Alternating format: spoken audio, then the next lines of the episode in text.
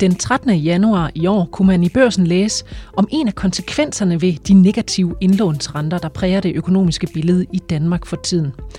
Aktiemarkedets turister kalder Dansk Aktionærforenings formand Ole Søberg denne konsekvens. Jeg har sat Ole Søberg stævne i hjertet af København på Dansk Aktionærforenings kontor på Amagertorv. Jeg vil nemlig gerne høre mere om, hvem de her turister er, og hvorfor vi begynder at se dem på aktiemarkedet netop nu. Ole Søberg, tak fordi øh, du vil mødes med mig. Selv tak. I øh, børsen i januar, der udtalte du dig i en artikel om en af de konsekvenser, man ser af negative indlånsrenter, øh, som nogle steder i hvert fald præger det økonomiske billede i, i Danmark lige nu. Og den her konsekvens, den kalder du aktiemarkedets turister. Vil du ikke lige starte med at fortælle, hvad det egentlig er for nogle størrelser? Ja, det er, øh, efter at centralbankerne i flere år har kørt med negativ rente, så er, er bankerne de begyndt at introducere negativ rente på indlån for private personer. Det var, de har allerede gjort det for nogle år siden på, for selskaber. Men øh, når det lige pludselig er privatmennesker, som går fra at have placeret sine penge i banken til ja, for det meste 0% rente, så hedder den lige pludselig minus en halv. Det får folk op af stolen og siger, hvad kan man gøre? Og i virkeligheden så, hvis man skal have et likvidt aktiv, som har et positivt afkast efter inflation, så er aktiemarkedet faktisk det eneste alternativ, der er tilbage. Og der tvinger du så folk ud på en rejse, som øh, de måske ikke lige har været på tidligere, og det er jo derfor i bedste mening kaldte det turister. Fordi når du starter på at være rejsende, så føler du dig mest komfortabel ved at være ligesom en, der rejser i et pakkeselskab eller noget af den stil. Og det er faktisk det, jeg tror, man skal gøre i den verden. Så på den måde, så er man sådan en turist i et øh, nyt område. Så med andre ord, så er det dem, der ikke har været der før, kan man sige. Ikke? Altså ja. dem, der for første gang bevæger sig et sted hen. Og det her, det er så aktiemarkedet, øh, det er aktiemarkedet. vi taler om nu. Og det er, øh, statistikken er egentlig ganske enkel. Der er cirka de her 5,5 millioner mennesker i Danmark. Der er øh, rigtig mange, der har aktier eller investeringsfonde i deres pensionsordning, men det er sådan lidt ubevidst, at man har den eksponering. Men der er 1 million danskere, der har øh, en aktie. Der er 250.000, som har mere end en aktie eller en investeringsforening. Og det vil sige, at det er en meget lille del af hele befolkningen, som faktisk er aktivt investeret. Og nu er der så flere og flere, der enten af egen fri vilje, eller fordi de føler sig øh, økonomisk presset til det, kaster sig ud i det her med at investere i aktier. Og jeg ved også, at du privat oplever, at øh, flere får fokus på aktieinvestering, uden at have nogen viden om det. Øh, hvad er det for nogle, nogle opkald, du har modtaget det, det seneste stykke det, tid? Får, det er jo altid hyggeligt at høre fra fortiden, men jeg får opkald fra mennesker, jeg ikke har hørt fra i overvis. Og så pludselig, jeg, jeg skulle, hvordan går det, eller hvad? Øhm, i øvrigt, øh, hvad, nu er der jo negativ rente, og jeg har sparet lidt op, og hvad, hvad skal jeg egentlig gøre? Og det er mennesker, som egentlig ikke ønsker at påtage sig risiko med opsparingen, men er glade nok for at have fået øh, en lille smule rente, som egentlig passer nogenlunde med inflationen, så købekraften blev bevaret. Men lige pludselig oplever du, at der er et fald i din købekraft. Øhm, og der kan man så blive tvunget ud på risikokurven. Men det kommer vel at mærke efter, at der har været fremgang siden finanskrisen for 10-11 år siden. Så de fleste har jo en god oplevelse af dem, der har været aktivt investeret i aktier de sidste 10-11 år. Så jeg vil synes, det var meget kedeligt, hvis folk, der ikke er, er erfarne med aktieinvestering, de bevæger sig ud på aktiemarkedet nu her, og så taber penge, uden at forstå hvorfor. Mm. Og så, så længe man forstår det, og ved den risiko, man er ude i, så er det jo fint. Og det er lige før, jeg vil sige, at det værste, man kan gøre, det er egentlig at være så heldig, eller øh, det er lidt tilfældighedsdrevet nogle gange, hvis man på kortere sigt tjener en masse penge på det. Så tænker man, jeg er super god til det her, og så tager man mere risiko, øh, måske uden at det er det rigtige at gøre det. Så derfor så er der en, en øh, gruppe mennesker, og gennemsnitsdanskeren, den gennemsnitlige familie i Danmark har 600.000 kroner i opsparing, øh, så de fleste bliver påvirket af det her på en eller anden måde. Ikke? Det er at ligesom være helt bevidst om, hvilke nogle muligheder er der, hvad kan der ske, hvis det går godt, og hvad kan der ske, hvis det ikke går så godt. Og nu siger du, det, det, det er en gruppe mennesker, øh, men hvor omfattende oplever du, at det er, at, at, øh, at folk bliver er nye på aktiemarkedet, den her gruppe, vi kalder, nu vi kalder for øh, øh turisterne på aktiemarkedet? Ja, altså jeg, man skal ikke tage mine øh, anekdotehistorier som sådan bevis på, hvordan hele markedet bevæger sig. Men hvis du kigger på, hvad der er mediehistorier om det, hvordan bankerne håndterer det, så er der jo øh, tydeligvis øh, mange mennesker, som øh, bliver påvirket af det her. Og så vidt, nu har jeg ikke de seneste øh, tal i hovedet, men øh, fra medierne for nylig, så hørte jeg, at der er 1.000 milliarder kroner, som står kontant øh, som faktisk vil, vil blive påvirket af det her, og så regnede det sig lige ud, før vi mødtes i dag. Det, det er i underkanten af 200.000 kroner per indbygger i land, som står som cash deposit nede i banken. Og som måske, måske ikke bliver investeret nu. De bliver ikke investeret, og du kan være helt sikker på, at du taber inflationen hver år. Det vil sige, at hvis inflationen er 2%, og du har 200.000, så taber du 4.000 kroner i købekraft om året. Er, det, det er til at føle på. inflationen øh, så høj? Nej, den er halvanden procent, men det er lidt nemmere at ja. sige 2 procent og 200.000. Den er halvanden procent, så det er 3.000 kroner om året, som man mister i købekraft, og det er trods alt også en slags penge. Så det er med andre ord udsigten til, at man kommer til at tabe alligevel, ja. der gør, at folk de, øh, de prøver det her med aktiemarkedet. Så det er faktisk forståeligt nok, øh, synes jeg, at der er flere og flere, der begiver sig ud på aktiemarkedet med eller mod vores egen vilje, kan man sige. Ja. Øh, men, men er det problematisk? Øh, det er problematisk på den måde, at hvis man ikke er klar over, at man tager en større risiko. Du har 10 år. Hvis du kigger på, hvad der er sket de sidste 10 år, det ser fint ud. Aktiemarkedet har givet 8 eller 10 eller 11 procent om året. Hvis man regner med, at det fortsætter i al evighed, så tror jeg, man bliver ret overrasket. Øh, der har været medvind fra faldende rente de sidste øh, 10 år. Den underliggende indtjeningsvækst, hvis du kigger bare her i Europa, den ligger ikke øh, på meget mere end øh, omkring øh, 3-4 procent i året. Så det er nok mere det, man skal stikke snuden op efter.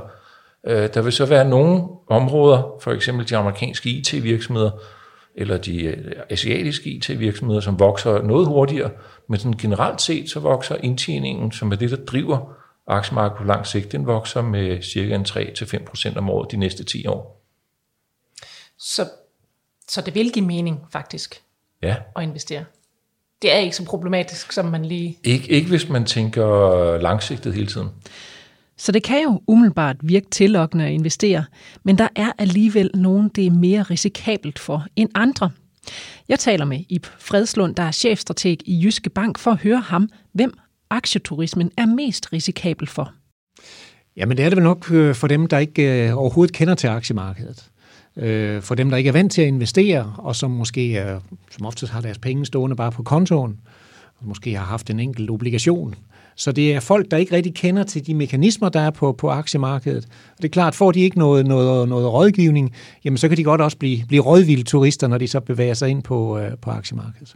Og kan man sige noget om, hvor de her øh, øh, rådvilde turister ligger øh, aldersmæssigt?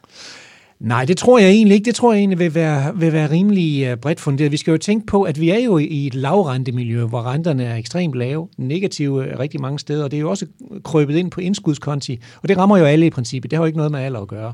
Øh, man kan selvfølgelig sige, at, at dem, der er lidt oppe i alderen, de har måske mest investerbar formue, så det er måske nogle af dem, der, der, der, der er de mest oplagte kandidater til det her. Og der er det selvfølgelig også vigtigt, at, at øh, kan man sige, at de får noget ordentlig rådgivning, før de begiver sig ud på et, et for dem øh, nyt marked.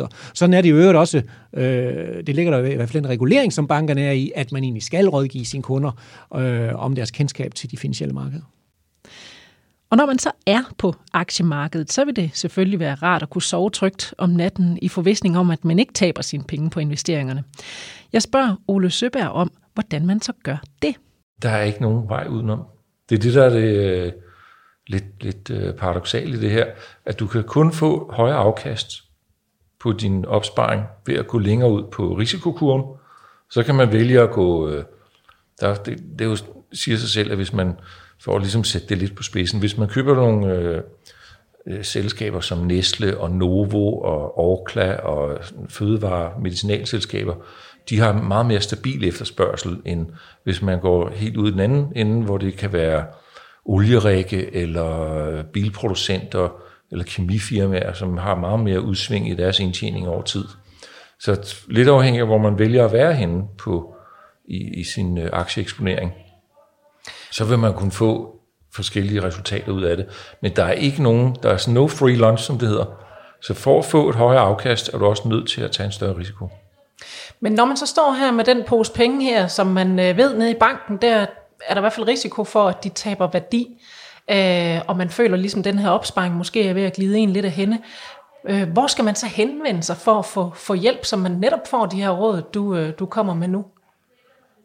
Øh, der, altså man kan selvfølgelig altid henvende sig til sin øh, bank, eller hvis man har en øh, finansiel rådgiver, så tage fat i vedkommende.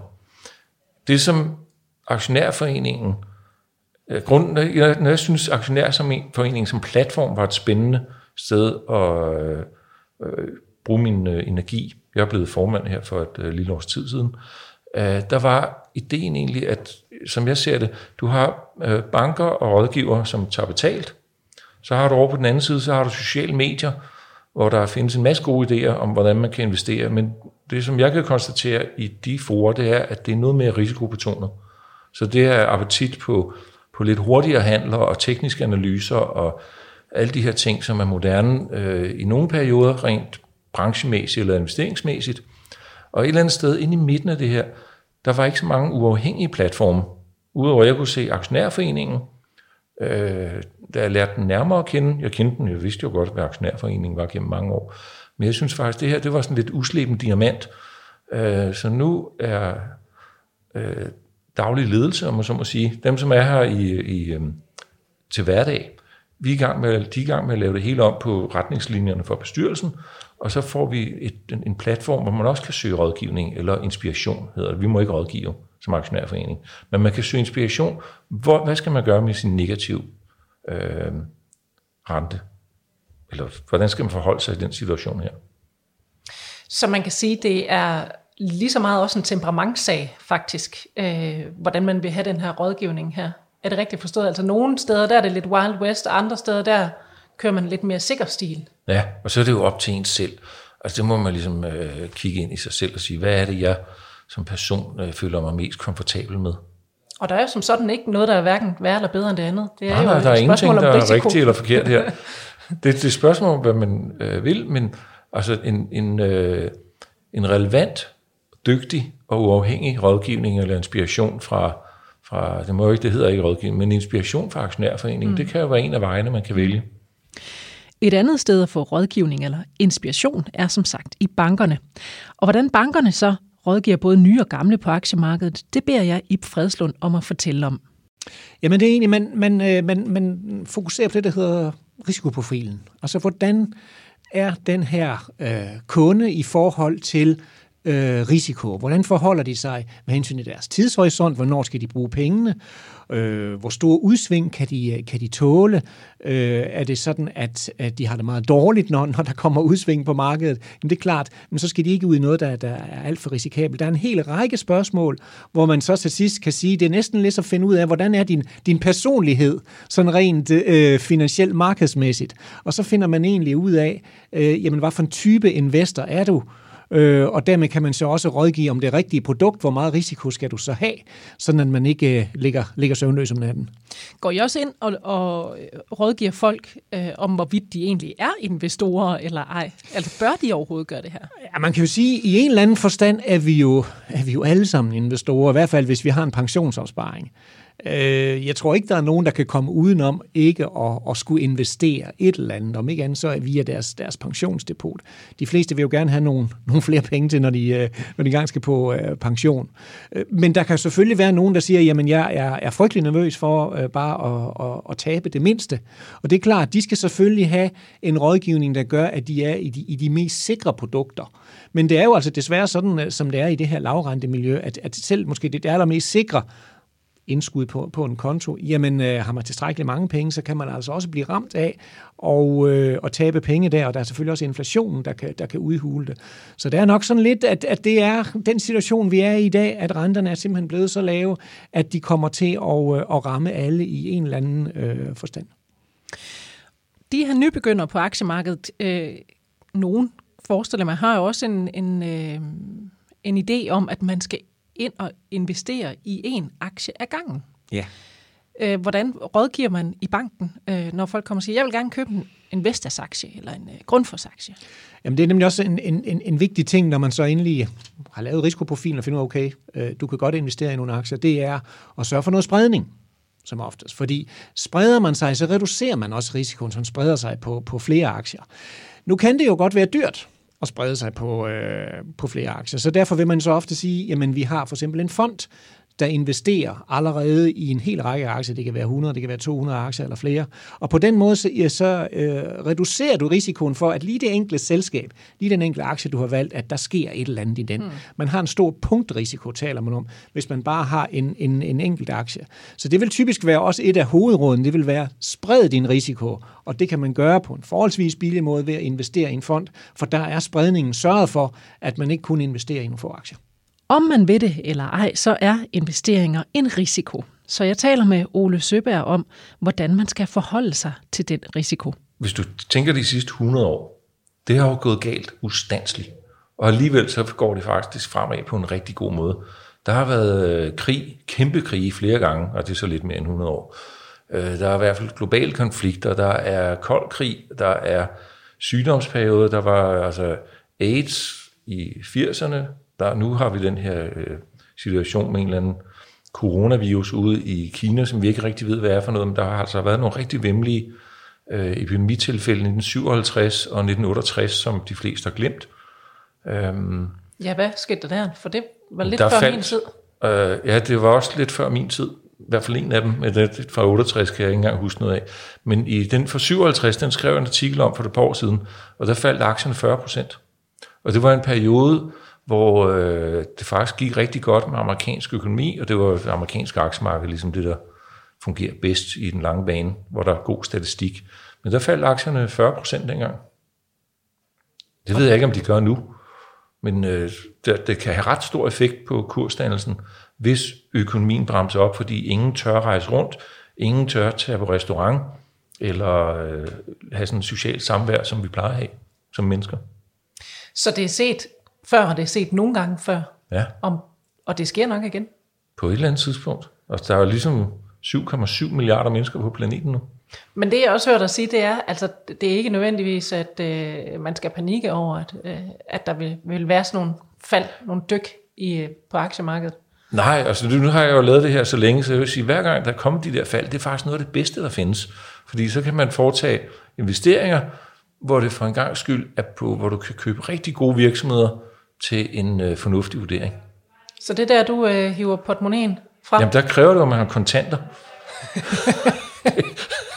men, det er det eneste, men, øh, så, så øh, og, og, jeg ved ikke, om der kommer en mulighed her på kortere sigt, men, men øh, i virkeligheden så bør man investere lidt løbende over en årrække, således man kommer op på, lad os sige, man har lyst til at have 60% aktier og 40% øh, indstående i obligationer og kontant, så har man jo en meget god balance der. Så hvis det skulle ske et eller andet, og det hele falder fra hinanden, og tingene ser billige ud, så er det der, man skal være stik modsat af, hvad der står på forsiden af avisen, og faktisk investere. Og så skal du gøre det modsatte, når der står på forsiden af avisen, at nu har folk tjent så og så mange penge de sidste 12 måneder på børsen, og hurra, hvor det går. Det plejer at være der, man skal vinde kajakken mm. den anden vej. Skulle man så være så uheldig, være ny på aktiemarkedet, de her turister, vi taler om nu, har fået smidt nogle penge af afsted efter nogle aktier, der så styrtdykker fuldstændig. Hvor lang tid skal man så regne med, kan man, hvis man overhovedet kan sige øh, noget om det, hvor mange år skal man regne med, at der skal gå før, øh, altså før det er stabiliseret sig igen, før man kommer op på nul igen? Det er, det er faktisk et super godt spørgsmål, fordi i, i en, øh, som tingene er nu her, historisk set, så har det taget en 4-5 år. Dog, den store bøgemand, der kom der i starten af 30'erne med kæmpe kriser og 2. verdenskrig efterfølgende, så tog det 20 år at komme tilbage. Men alle de episoder, der har været sådan i de sidste 50 år, hvor der er god statistik, så tager det 3-4 år. Men i situationen med Japan, der peakede der i 1989, de er jo ikke kommet tilbage endnu. Men mindre du lægger udbytterne på, så er de faktisk kommet tilbage. Så, så øh, der er nogle gange, hvor det kan gå grueligt galt i rigtig, rigtig lang tid. Men hvis man så ikke lige kigger på de øh, specifikke eksempler, så er det en 3-4 år. Ja, og hvis man spreder sig så er det også, øh, så går det faktisk øh, rimelig hurtigt. Altså man ikke kun ligger i for eksempel amerikanske IT-aktier, mm. der ved IT-boblen i år 2000. Der er mange af dem, der ikke er kommet tilbage nu. Der er nogle af dem, der slet ikke findes. Det, de kommer aldrig nogensinde tilbage. Så hvis man skal bare sprede sine investeringer, og det kan man gøre ved hjælp af indeksfonde, som er billige i drift, hvor man så følger et eller andet specifikt aktieindeks, eller man kan købe øh, investeringsforeninger, hvor folk, der er dygtige til at investere, de sidder og laver nogle fornuftige afkast. Så det er dit øh, sidste råd til de nye på aktiemarkedet? Få spredt øh, investeringerne? Ja, tag med på, altså hvis man tager turistbegrebet, tag en, en øh, i stedet for at sidde og plukke enkelte aktier, som hvis man ikke er vant til det, eller har nogle øh, forudsætninger for det, så øh, find en fornuftig investeringsforening eller en øh, indeksfond, og så brug den til at spare op i. Det er vældig enkelt. Det er det jo sådan set. Ja. Så til alle turisterne og alle andre på aktiemarkedet, rigtig god rejse. Og tak fordi du lyttede med til Jyske Banks økonomipodcast Kejseriet. Jeg hedder Anne Kejser, og jeg er tilbage med et nyt afsnit om 14 dage. Vi lyttes ved.